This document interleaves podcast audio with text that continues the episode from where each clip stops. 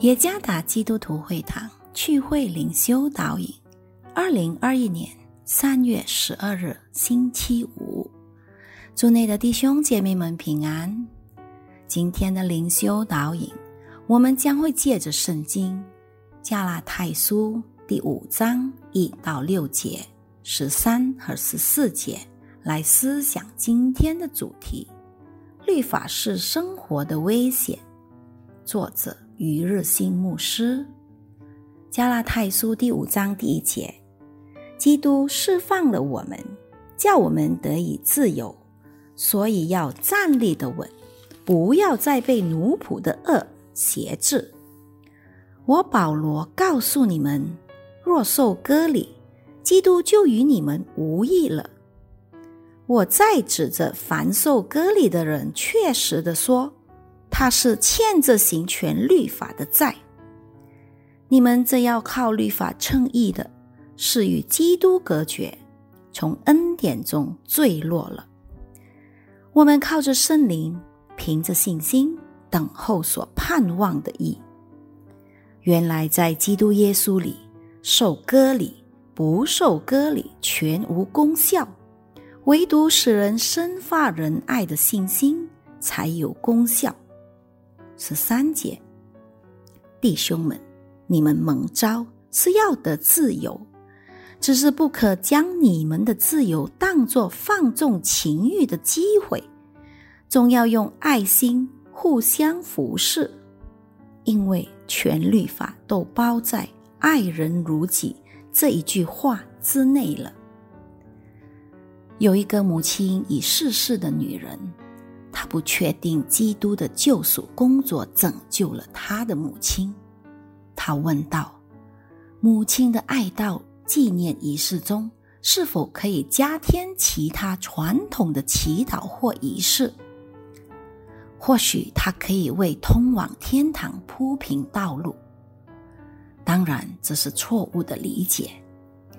加拉太的信徒也受到假教师教导的威胁。”他们建议信徒在获得救赎的程序上增加对古老传统的理解。他们重新解释了律法，并将其融入了保罗的教导中。其中之一是割礼的传统，据说如此可以完善基督里的救赎。保罗知道了这一点。便着重称这类人为从恩典中坠落了。参看加拉太书第五章第四节，他们偏离了上帝愿意他们生活的方式。